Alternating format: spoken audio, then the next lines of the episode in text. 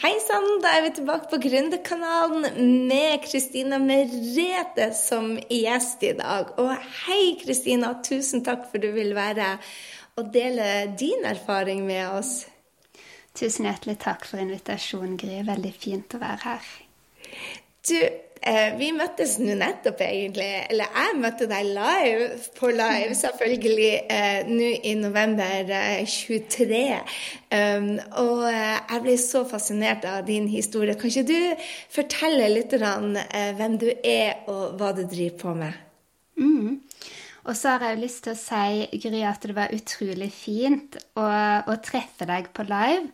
For nå har jeg vært gründer i et par år jobbe med å hjelpe kvinner å møte og eie seksualiteten sin, som var der jeg strevde i mitt eget liv. da, og gikk min vei i 15 år for å prøve å, å hele det som var vanskelig for meg, og var veldig sånn eh, på et sted til å nesten gi opp når jeg til slutt eh, kom igjennom. Og de det har vært to uh, intense og, og, spennende år. Og det som jeg syns var så fint med å treffe deg, var fordi at jeg var i, i en sånn en prosess med å på en måte kjenne på takknemlighet over de tingene som hadde tatt meg frem til dit jeg var kommet. Å, så søt du er. Tusen takk. Og STD var jo Det var jo der jeg starta vinteren 21. Og jeg valgte meg eh, suksess som ord for det året i 2021, men jeg hadde ingen jeg hadde ingen anelse om at jeg skulle bli gründer eller jobbe for meg sjøl. Jeg hadde aldri Altså, det er bare noen ting som aldri hadde crossed my mind. Ja. Hvordan kom det da opp for? For du hjelper kvinner med seksualitet. Det er ikke det man eh, Eller kanskje det er det. Man bare våkner en dag og sier bare 'Å, det er det jeg skal bli når jeg blir stor'. for det er en veldig spesiell uh, genre, eller hva det heter på norsk. Mm, um, ja. Så hva hva som gjorde at du hadde lyst til å, å, å, begynne å hjelpe kvinner med det, og, mm. og gjøre det til din egen jobb? Mm. Det var jo den, den følelsen i meg når jeg skjønte at Eh, at jeg hadde noen ting å bidra med som ikke var der ute, og som jeg hadde leita etter i 15 år.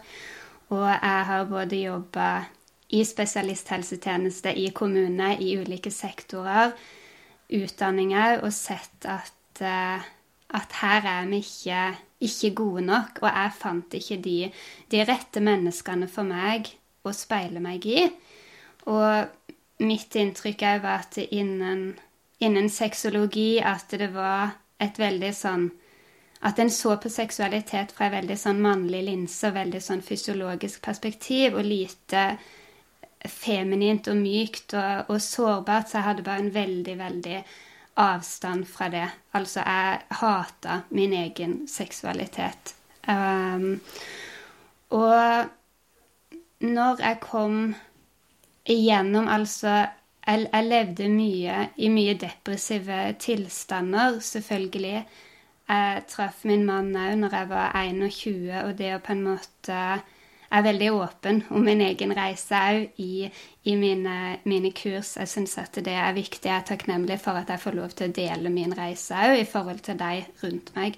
For det er bare vi som kan endre vår egen seksualitet. Det er ikke noen andre som kan komme inn og redde det for oss, uansett hvor bra den, eh, den personen er. Så jeg, jeg, begynte jo å kjenne altså en enorm kreativitet, flow og spontanitet. Altså det var jo som å få livet tilbake. Og så hadde jeg jo båret veldig mye fra, fra jeg var ung. Jeg tenker at eh, at vi mange gjør det når, når vi er barn. Vi ser andre sin smerte rundt oss, og, og, vi begynner å bære andre sine smerter, andre sine ting. Og så satt jeg i uh, den vinteren, altså mars 21, og jeg gjorde et sånt ritual for meg sjøl der jeg så for meg at jeg ga tilbake den smerten som ikke var min, tilbake i generasjonene og så får meg de stå sterke i seg til å kunne holde sine egne ting, for ingen kan bli fri hvis vi skal gå og holde det for dem. Så det var en stor eh, oppdagelse. Og jeg hadde gått og hatt enormt med smerter i hendene mine noen måneder før, og jeg sa det til Adam, til mannen min, at jeg skjønner ikke om de skal slutte å virke, eller Og jeg kjente på et veldig sånn rush av energi inn i hendene mine når jeg gjorde den prosessen her. Så dette var et veldig spesielt døgn for meg. Og den natta òg så drømte jeg veldig spesielt om, om slanger og alt som er et symbol for transformasjon, ikke sant? Og jeg hadde òg hatt mye smerter i, i underlivet bak i, i, anus, som var så vondt at jeg nesten ikke, ikke kunne bevege meg. Eller jeg bevegde meg overalt fordi at jeg bare prøvde å flykte, ikke sant? Og den, den, natta så opplevde jeg jo at den smerten kom, men på en mye mer sånn subtil måte. Og den energien, den jobber rundt i, i underlivet, i, i bekkenet mitt. Så våkna jeg dagen etter, kjørte på jobb, og jeg satt der i en liten sånn meditasjon før jeg skulle gå inn. Og jeg, når jeg var liten, før jeg begynte å ta på meg den eh, smerten, som var andre sin, som egentlig ikke var min, så hadde jeg et veldig drøm om å egentlig stå på scener, være en skuespiller, sanger, ikke sant, alt det derre. Og når jeg satt der den morgenen, så bare skjønte jeg at det var aldri det Og så ble jeg rørt.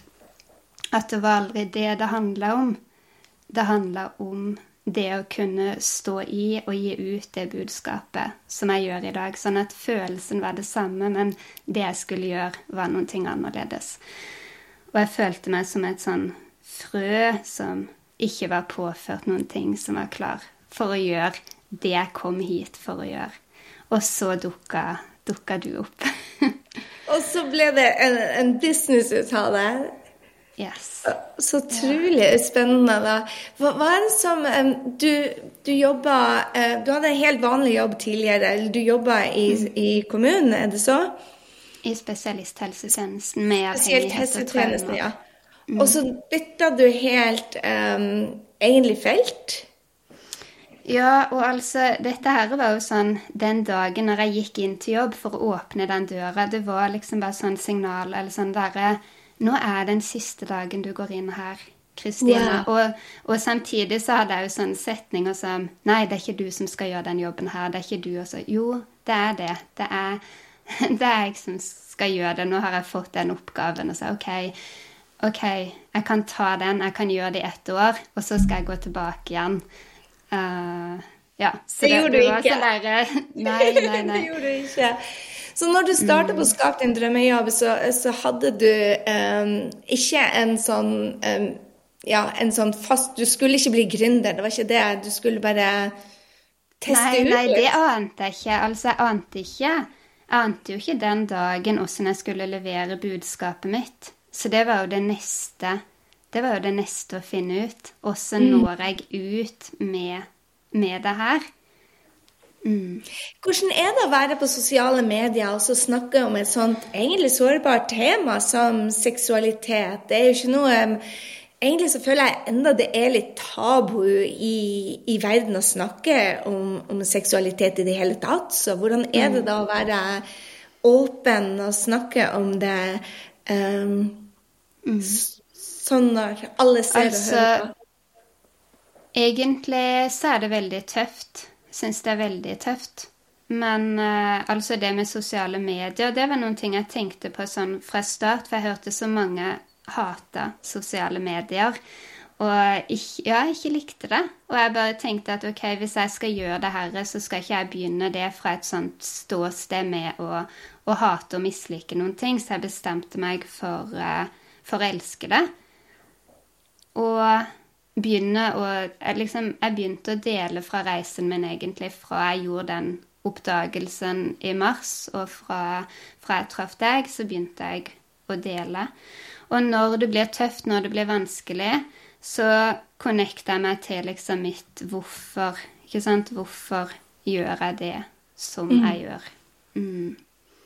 Kan jeg spørre deg hvordan det oppleves? For mange spør meg om når det f.eks. er et barn man har utfordringer med, og så skal man da dele den reisen, eller det er skilsmisse, eller det er en annen part som er involvert i våre transformasjoner, så kan det mm. være vanskelig for den andre parten. Har dere hatt de, Jeg regner med at dere har hatt de samtalene, men hvordan, hvordan er det å kunne dele noe som, som faktisk går på to personer, eh, og ikke bare deg personlig? Mm. Altså jeg, jeg, skjønner og tenker Altså, noen kan jeg jo si i forhold til barna mine, f.eks. Jeg kan si Men åssen er det Åssen er det for ungene dine? Åssen er det for barna dine? Ikke sant? Og så tenker jeg vel De har en mamma som er opptatt av å ikke tilpasse seg, som er opptatt av å skape sin egen tilhørighet og, og skape sitt rom. Og jeg tenker hvilken bedre gave kunne jeg egentlig ikke ha gitt de? Så jeg gir jo først og fremst de en enormt stor tillatelse til å være den personen de er. Og jeg ser altså min sønn er, er 13 år, jeg ser og vet at han er stolt av meg. Og, og det samme altså er med min mann. Han har på en måte støtta meg hele veien og, og trodd på meg. Og så er jo jeg opptatt av det å dele det som er levende i meg, som er min erfaring, og som ikke er liksom hans erfaring. Sånn at jeg utleverer ikke på en måte vårt samspill og våre samspill. ting, men mm. allikevel mine, mine følelser. Um, og, og, samtidig, derfor er det viktig å si det der, for noen er sånn Ja, men Kristina, når du traff din mann, da, hva skjedde da? Akkurat som at da endra vel alt seg. Da ble vel seksualiteten tipp topp. Og, ikke sant? Og det er bare det jeg sa på starten her igjen. Det å på en måte si at det, det er faktisk ingen annen person som kan skape den transformasjonen for oss. Og det betyr ikke at det er noe galt med min mann fordi at jeg måtte gjøre min, min reise sjøl. Og det altså i forhold til seksualitet, en av de tingene som, som var viktig, og som jeg òg er åpen med, er det at eh, jeg kjente på eh, for, for mye skam, for mye vonde ting til å utforske min egen seksualitet når jeg vokste opp. Og det var noen ting jeg trengte å ta tilbake og gjøre, gjør på egen hånd som gjorde at jeg òg trengte å, å, stoppe det litt i det samspillet som vi hadde sammen. Og jeg tenker det er jo egentlig en veldig naturlig ting når du ikke har gått igjennom alle de fasene du skal som et menneske, og det at jeg kan få lov til å dele det, og det at det, det gjør ikke min mann mindre styrka i seg, ikke sant? Og hva er et halvt år eller et år eller to år av et langt liv eh, sammen. Mm. Ingenting. Så jeg er veldig opptatt av det med seksualitet, det å ikke, ikke presse seg og Altså at vi skal ikke tøye ut kroppen vår til å få plass til ting. Vi skal ikke bare prøve, for det er da vil lysten komme etter hvert. Vi skal ha hjelpemidler som gjør at, kan, at ting kan åpne seg av seg sjøl og Ja. Hvordan tror du det påvirker oss at vi går med traumer som vi ikke gjør noe med? På det seksuelle mm. spesielt.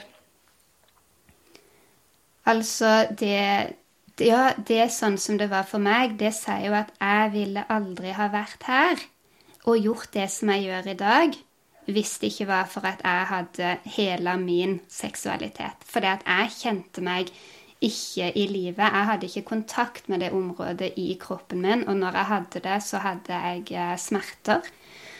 Og det å på en måte kunne bli venn med mitt eget underliv, kunne begynne å, å puste inn i det og ta det inn, og kjenne at det var en like levende del av kroppen min som alt annet, det gjorde veldig mye at eh, Altså spontanitet og glede tok over for den depresjonen, og i stedet for å kjenne på mye frykt og angst for hvem og hva og alle tanker og alt det derre, så bare begynte jeg å leve et mye mer eh, spontant liv. ikke sant? Det er et eh, energiarbeid, akkurat sånn som det du tok oss eh, igjennom på live. Mm, det er jo healing av chakraene våre, men det, mm. tror du at det blir mer åpenhet om seksualitet og eh, fremover? Eller er, er, det, er vi tilbakelagt stadier hvor at det er hemmelig, og at man ikke kan snakke om det? Jeg var seksuelt misbrukt som barn, og jeg, det tok meg 50 år før jeg Eller i hvert fall, det tok ikke så lang tid. Det tok 43 år før jeg kunne snakke om det til andre, men også veldig mange år før jeg torde å gå inn i det selv. Og det var jo skambelagt. ikke sant? Hva er gærent med meg? Og, ja, det, det, er jo ikke noe som man går og snakker med andre Ops! det er ikke noe man går og snakker med andre til frokost med eller tar opp i lunsjpausen. Det er ikke noe jeg Heller ikke med venninner, egentlig, så hadde jeg et sånt forhold. Så det er mye skam der ute, eh, forbundet med at man er annerledes. På en eller annen måte. Mm. Ja. Om det kommer til å endre seg Altså, det jeg på en måte er opptatt av å si når noen spør f.eks.: hvordan skal jeg snakke med barna mine? Hvordan skal jeg snakke med pasienten min? Hvordan skal Eller ikke sant? Så bare si at du, du må begynne med deg sjøl. Du må begynne å se på hva du har med deg. ikke sant? Hva fordi vi har adoptert så mye av andre sine sannheter i møte med seksualitet, og med Seksualitet, bare det ordet, trigger enormt masse i mange. Og det var det jeg kjente i møte med, med helseapparat. Var at jeg kjente en, en vegg.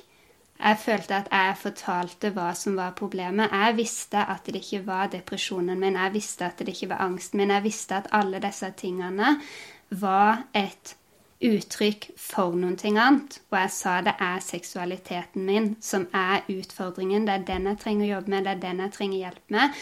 Og da vet jeg at de andre tingene vil komme på plass.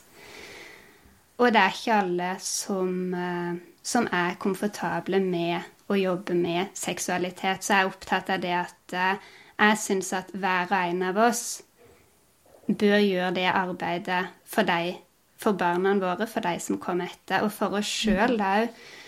Um, selvfølgelig sånn at vi kan gå ut og være gode speilbilder for hverandre for hva som er en sunn og god seksualitet. Og det er liksom min store visjon. Trygge og gode, intime møter mennesker imellom. Det er derfor jeg gjør det jeg gjør. Men jeg kan kjenne på mye liksom misforståelse i det som jeg jobber med. Og det er jo på en måte fordi at vi legger skitne ting på seksualitet. Vi legger skam, frustrasjon, angst. Jeg tror at mange bare en hører det ordet seksualitet, at det mest kommer frem noen negative følelser som vekkes hos andre. Og det er en forklaring jeg gir til meg sjøl. For uh, at selvfølgelig at andre blir, blir trigga av, eh, av mitt arbeid. Så det er min, min måte for, for å forstå dem. Um, jeg kjente på det hva slags ord jeg forbandt med det, og plutselig så kom det ordet sinne fram. Bare, det var det mm. ordet jeg tenkte du mangla, men så tenkte jeg at det er faktisk mm. min egen interpretation av hva, mm. hva det betyr. Og det var ikke jeg klar over egentlig før du begynte å forklare det, så det er jo kjempeinteressant om hvordan man legger forskjellige ord og meninger bak et ord som egentlig ikke rommer det ordet i det hele tatt. så... Mm. Og jeg tenker at dette handler om skal bare si det, ikke, ikke bare det vi har med oss fra våre generasjoner, men det synet som har vært på kvinner og seksualitet opp igjennom, som jeg i alle fall har følt liksom på mye litt sånn avsky mot, og ikke følt at jeg har hørt hjemme i eller passa inn i. Og igjen det med bokser, at jeg følte jeg måtte prøve å, å passe inn i en sånn seksuell aktiv person som likte det og det og det, eh, basert på media. Altså alle de tingene som vi blir bombardert med. Så, så, det er viktig å se på de tingene. Det er viktig å se hva vil jeg ha med meg videre. For vi har lov til å ta med oss akkurat de tingene som, som vi trenger. Mm. Ja. Du har vært gründer nå i to år med det her. Um, mm. Det hadde du ikke sett for deg, forsto jeg. Hvordan er det du har følt at den eh, gründerreisen har vært fra fast jobb da, til å være ansvarlig for din egen inntekt, din egen uh, arbeidstid, dine systemer, mm. markedsføringssalg? Hvordan har den reisen vært for deg? Altså, det har jo vært enormt mange hatter. Mange ting som jeg ikke var, jeg ikke var forberedt på. Jeg har òg eh, Ja, så jeg har faktisk kjent på at noen type form for angst har kommet litt tilbake igjen. Jeg har kjent at jeg syns at eh, det er ensomt òg. Og samtidig så Altså, jeg husker på ikke sant, takknemligheten òg, hvorfor jeg gjør det, det jeg gjør, og det å på en måte justere og tenke for det neste år. Altså i år skal jeg ha mer glede inn i livet mitt og rydde flere andre ting vekk, sånn at jeg kan gjøre mest av de tingene i min bedrift som jeg liker å gjøre. Og så har jeg jo fått eh, enormt mye støtte òg um, utenfra. Sånn at det, at det, har vært tøft, men jeg har òg fått, uh, fått, støtte og anerkjennelse for det arbeidet som jeg gjør. Og jeg fikk faktisk en million av Innovasjon Norge nå i desember. Wow! For, uh, gratulerer! Holy smoke! Fantastisk. Ja. ja. Og det gjorde jeg jo når jeg starta høsten 21 òg, etter jeg hadde lansert. Og det er på en måte få den anerkjennelsen av systemer rundt som bare Ja, seksuell helse er viktig. Og som jeg skrev til meg, at det vel den, den støtten du fikk Jeg ser på det som en anerkjennelse til mitt eh, såra barn eh, som opplevde ting en ikke skulle. Og det, liksom, det er en anerkjennelse for meg. Og det Ja. Så det, det er så mye større enn en penger. Mm. Ja, vi blir ikke gründer for pengene, gjør vi vel? Nei. Det er kjekt når de kommer, men, men, det er, det er utfordrende, som du sier, det å sitte alene og, og, ha alle de hattene og ikke helt vite hva man skal gjøre, og hvor livet fører, og den usikkerheten. Så jeg syns det er veldig modig at du sier det, at det også kan trigge en del angst i, i oss. Og jeg tror det er mange som har det sånn at det er så mange roller forholde seg til at det kan bli mm. rent mye for oss. Mm. Jeg, jeg, tror å kjenne litt det der at vi alle mennesker vi ønsker å tilhøre, ikke sant? Og hvis jeg ser for meg den bobla som jeg har prøvd å tilhøre hele tida Jeg har ikke egentlig prøvd å tilhøre, jeg har prøvd å passe inn. Og da det er liksom Hvordan kler jeg meg? Hvordan snakker jeg? Hva gjør jeg? Tar jeg for lite plass? For mye plass? For og som gründer så går du jo ut av den Du går ut av det nettverket her. Du går ut av den bobla, og du utsetter deg sjøl for en form for type risiko for å ikke lenger tilhøre. Og jeg tror at det var ting som jeg ikke var helt forberedt på. At eh, når jeg trekker meg ut herfra, så står jeg her aleine, og jeg tror at det er en mening om at vi skal stå aleine en liten stund òg. Og når man kommer gjennom det, så finner vi de menneskene som alltid var meint å reise, reise sammen med, som vi aldri hadde funnet hvis vi bare hadde fortsatt å, å bli oh, her. Det var så vakkert sagt, Kristine, at den må jeg faktisk spille all over again. Jeg har aldri tenkt på det sånn, men det var nydelig sagt, og det kjenner jeg meg så enig i. Mm. Tusen takk for den. En annen ting som jeg tenker med det, er det at vi kan fort kjenne på hvem vi har fått støtte av, hvem som ikke har støtta oss. Og ikke sant, noen kan si at ja, du ser hvem som egentlig er dine venner, da. Men hvis man ser det i det bildet her, så skal det faktisk litt til for at andre mennesker òg skal tørre å gå ut av den bobla for å gi deg sin støtte. Så det er lettere for de å gjøre det etter hvert når de ser at eh, OK, Kristine har fått det til, det har fungert, da kan jeg tørre å krype litt ut herfra og si at jeg heier på henne. Ikke sant? Så det er jo en, en, måte som jeg har vært nødt til å se ting fra, fremfor å um, Jeg vet ikke, jeg kjenner, kjenner på dom eller kjenner meg liten eller, eller føler at noen ikke har vært der for meg. At jeg kan ikke sant, normalisere det at uh, jeg snakker om et, et tema på, på et lite sted i Sør-Norge. Um, ja. Selvfølgelig er det utfordrende, ikke bare for meg, men, men, for andre. Og det er fint å se det fra et sånt perspektiv, fremfor å på en måte klandre andre for at de ikke har vært der, og jeg vet at de vil, de vil komme etter hvert. Ja, det er, det er, så sant det du sier med det at det er veldig lett å dømme dem for å ikke være der når man starter opp, men eh, det er det er ikke enkelt for noen parter, egentlig. De som blir igjen heller, som kanskje også drømmer, som ikke tør å gå for sin egen drøm også. Uansett om det er gründer eller noe annet, så, så er vi så redd for å miste den tilhørigheten. Altså man blir liksom den der ulven eller lammet som da blir i feil farge. Mm. ja. Hvordan opplevdes det for deg å å gå ut i fast jobb og ikke ha fast inntekt lenger uh, i starten, var det utfordrende for deg, eller du, hadde dere mm. midler til å klare den perioden? For den jeg, opp, jeg har veldig mange kunder, og jeg sjøl opplevde den som veldig krevende å gå liksom fra å ha en million i lønn til å så bare stå helt på bar bakke fordi at man skulle gå for drømmen sin. Og det kunne være vanskelig for de rundt å forstå òg at dette var noe jeg måtte gjøre, ikke noe som jeg faktisk gjorde bare for min egen selvutvikling. Ja.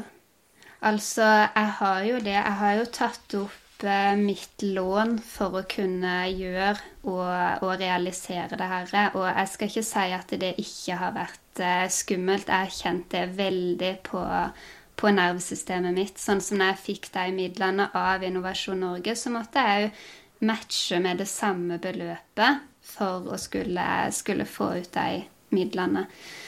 Jeg hadde heller òg på det tidspunktet heller ikke en, en fast jobb noen ting som betyr at jeg fikk faktisk eh, støtte under etablering på, på Nav for å, for å, gå for denne måten å jobbe på. For det at de òg så og tenkte at eh, dette er kanskje det som er mest rett for Kristina.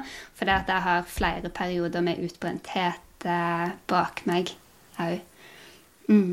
Og, det, og jeg, jeg, kan si helt ærlig at jeg kjenner på det med, med frykt i forhold til liksom penger, om det er nok, og om ikke. Og, og det at i år så hadde jeg jo en omsetning på to millioner, og det er jo sånn jeg tenker at å, da tenker alle at Kristina har kjempemasse penger. Ikke sant? Og så vet jo du òg som er gründer at det betyr ikke det. For det, er nok av ting å bruke de, eh, de midlene og de tingene på. Så jeg, så jeg, vet ikke på en måte hva jeg egentlig skal si helt om det, annet enn å bare være ærlig om at det er der. Mm. Ja, hva, gjør du for å, å, hva gjorde du for å, å fremdeles stå i det når den redselen kom? For jeg vet jo at det ble mange søvnløse netter, og jeg fikk eksem ut av det. Det er sånn min kropp reagerer, gir meg masse eksem. Og da vet jeg at jeg er under uh, psykisk press, og det er veldig mange som ikke tør å gå den veien pga. det presset. Så jeg tenker, hva hadde du noen um, metoder eller noe sånt som tok deg gjennom det her for uh, den psykologiske utfordringen, den mentale For jeg mener jo det at 90 90% av jobben vår som gründere er mentaltrening. Mm. Og det, jeg er så enig med deg i det. Og det var jo noen ting jeg hørte mye på i programmet ditt når jeg starta på, på, Mentalt sterk. Og ellers så har jeg jo mye mine egne verktøy, eller det å jobbe med mm, seksualiteten, energi, og det å se for meg jeg skulle, og hele tida connecte til det. ikke sant? At jeg er ikke det her. Men det kan jeg komme inn i, det kan jeg kjenne i, i kroppen min. Og det føles enormt ekspanderende, så en sånn enorm frihet og å kunne gå frem der og se åssen Når jeg kom dit jeg vil, åssen føler jeg meg, hva ser jeg, hva hører jeg, hva kjenner jeg på, hva ikke sant? det er noen ting av det som hjelper meg å på en måte komme ut av den, den frykten som jeg kan oppleve her og nå, og som òg hjelper meg til å tenke ok, hva er det neste skrittet jeg kan gjøre akkurat i dag for å nærme meg frem, frem dit. da. Men å ta frem og, og, hente den følelsen, i tillegg til å connecte til sitt uh, hvorfor en gjør det som en gjør. det.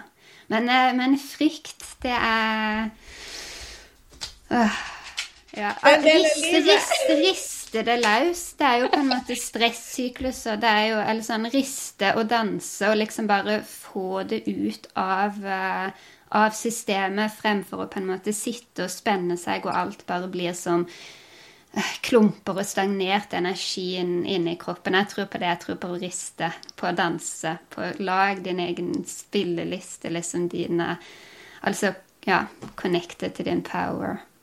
Mm. Jeg tror jo fra, fra, min egen reise fra Nav, hvor jeg da hadde 60 000 i inntekt til 5,5 millioner på 18 måneder Det jeg gjorde daglig, var å stå på trampolina mi. Ja. Som tok veien. Og det er litt av det samme som du sier. Hva vi trenger å gjøre for å komme ut av fryktsirkler, det er jo å være i bevegelse.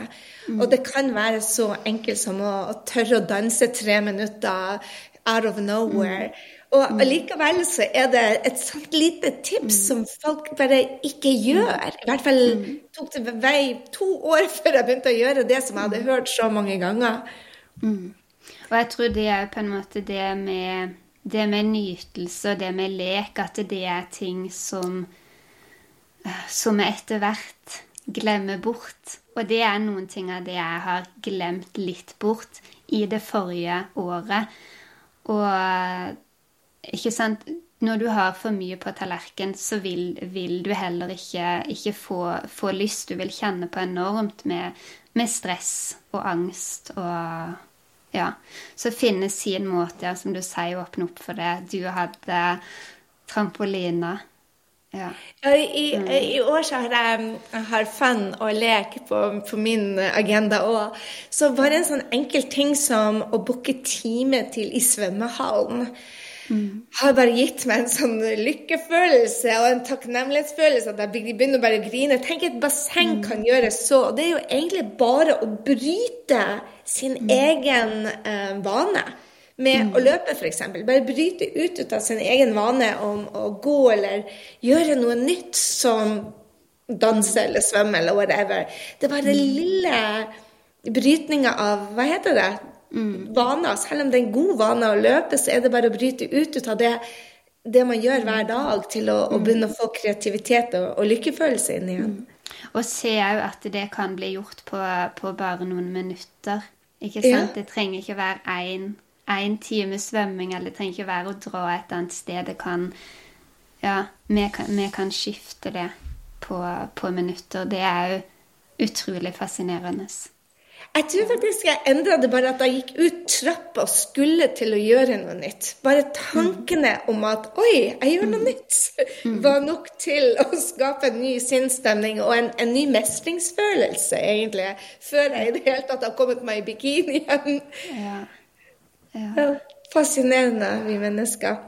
Hva er ditt et, et, eh, råd til nye gründere som skal starte og tenke bare OK, 20, 2024, det er året mitt.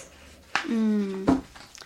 Jeg tenker at nettverk og fellesskap er veldig viktig. Jeg tenker at vi kan ha, og det sier jeg i mitt eget program òg, det er mye verktøy, det er mye ting du kan jobbe med på egen hånd, men ingenting heles på samme måte som å være sammen med andre, andre mennesker.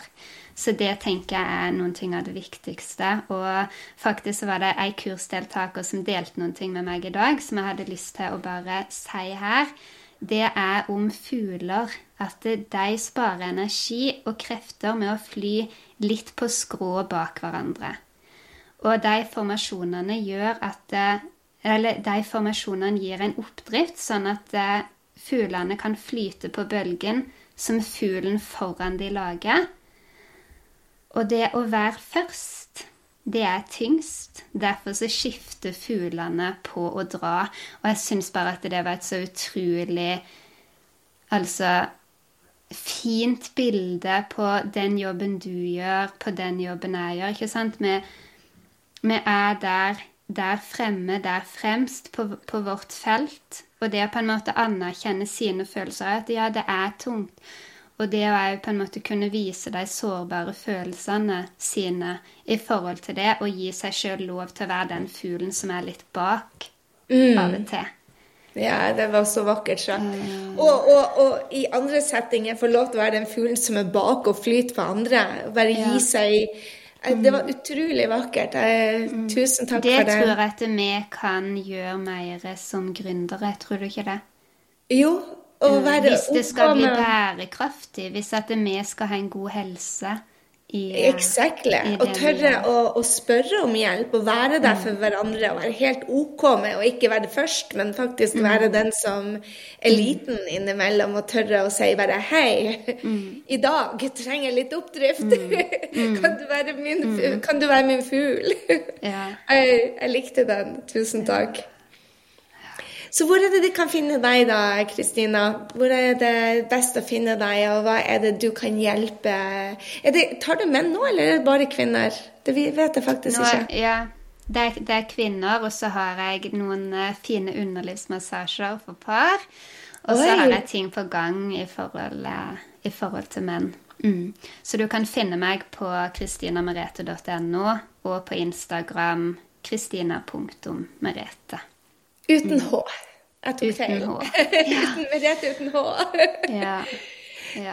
Og det som jeg har Jeg har ettårskurs, og så har jeg seksukerskurs, og så har jeg begynt å ja, holde webinar nå der en får uh, informasjon om det seksukerskurset, og så er den ettårige reisen for de mest uh, dedikerte som ønsker det etter hvert, å virkelig gå inn og se på seksualiteten sin i møte med alle områder i livet, da, ikke bare når det gjelder lyst og nytelse.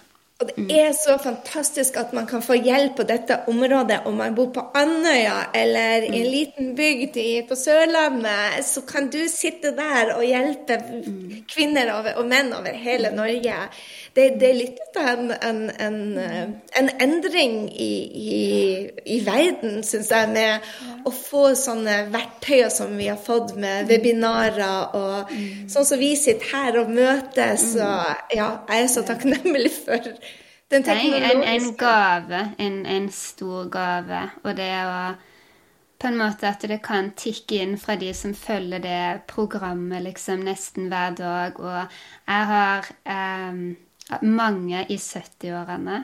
Og det at eh, Og det er sånn jeg, får bare sånn gåsehud av det. For det at de er så enormt forbilder for oss. Når vi kan være 30-40-50 år og tenke at det, nei, det er for seint, dette kommer aldri til å gå.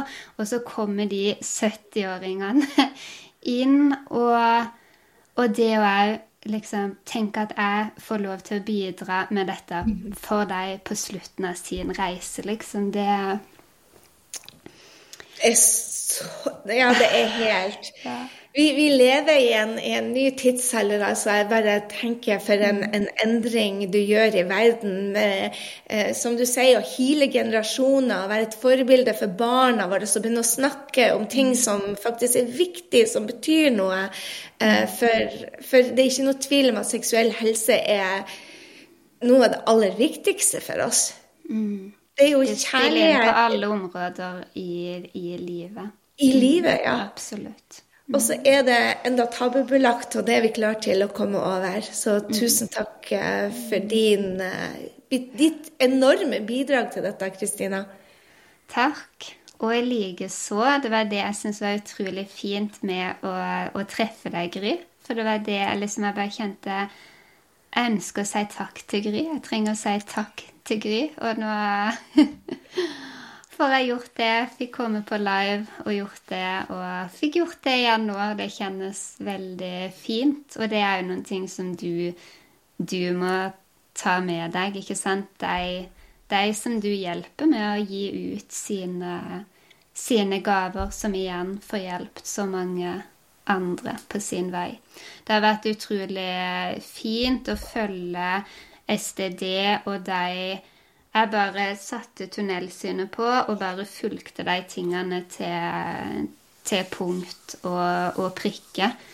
Og prøvde det jeg kunne, og ikke liksom henge meg opp i andre typer ting og bare Ikke sant? Det er dette jeg gjør, det er dette jeg går for. Ja, Nydelig. Tusen, tusen takk. Jeg syns du er bare supermodig og bare er så imponert over den reisen. Og det blir så spennende å følge dere videre, eller deg videre og businessen nå når du har også fått eh, investorer selve Norge investerer i seksuell helse via Kristina. Det er bare applaudering her. Ja. Og det, det som du sier, jeg tar med meg det lille, lille, lille bidraget som jeg har gjort til å inspirere deg på reisen. Og det når du sprer det utover, og det er det som skal til. vi ja, jenter som heier på jenter og, og hjelper hverandre, det er, det er, nydelig. Jeg tror det er noe av det viktigste vi kan vise våre jenter, i hvert fall. Så tusen, tusen takk skal du ha, Kristina.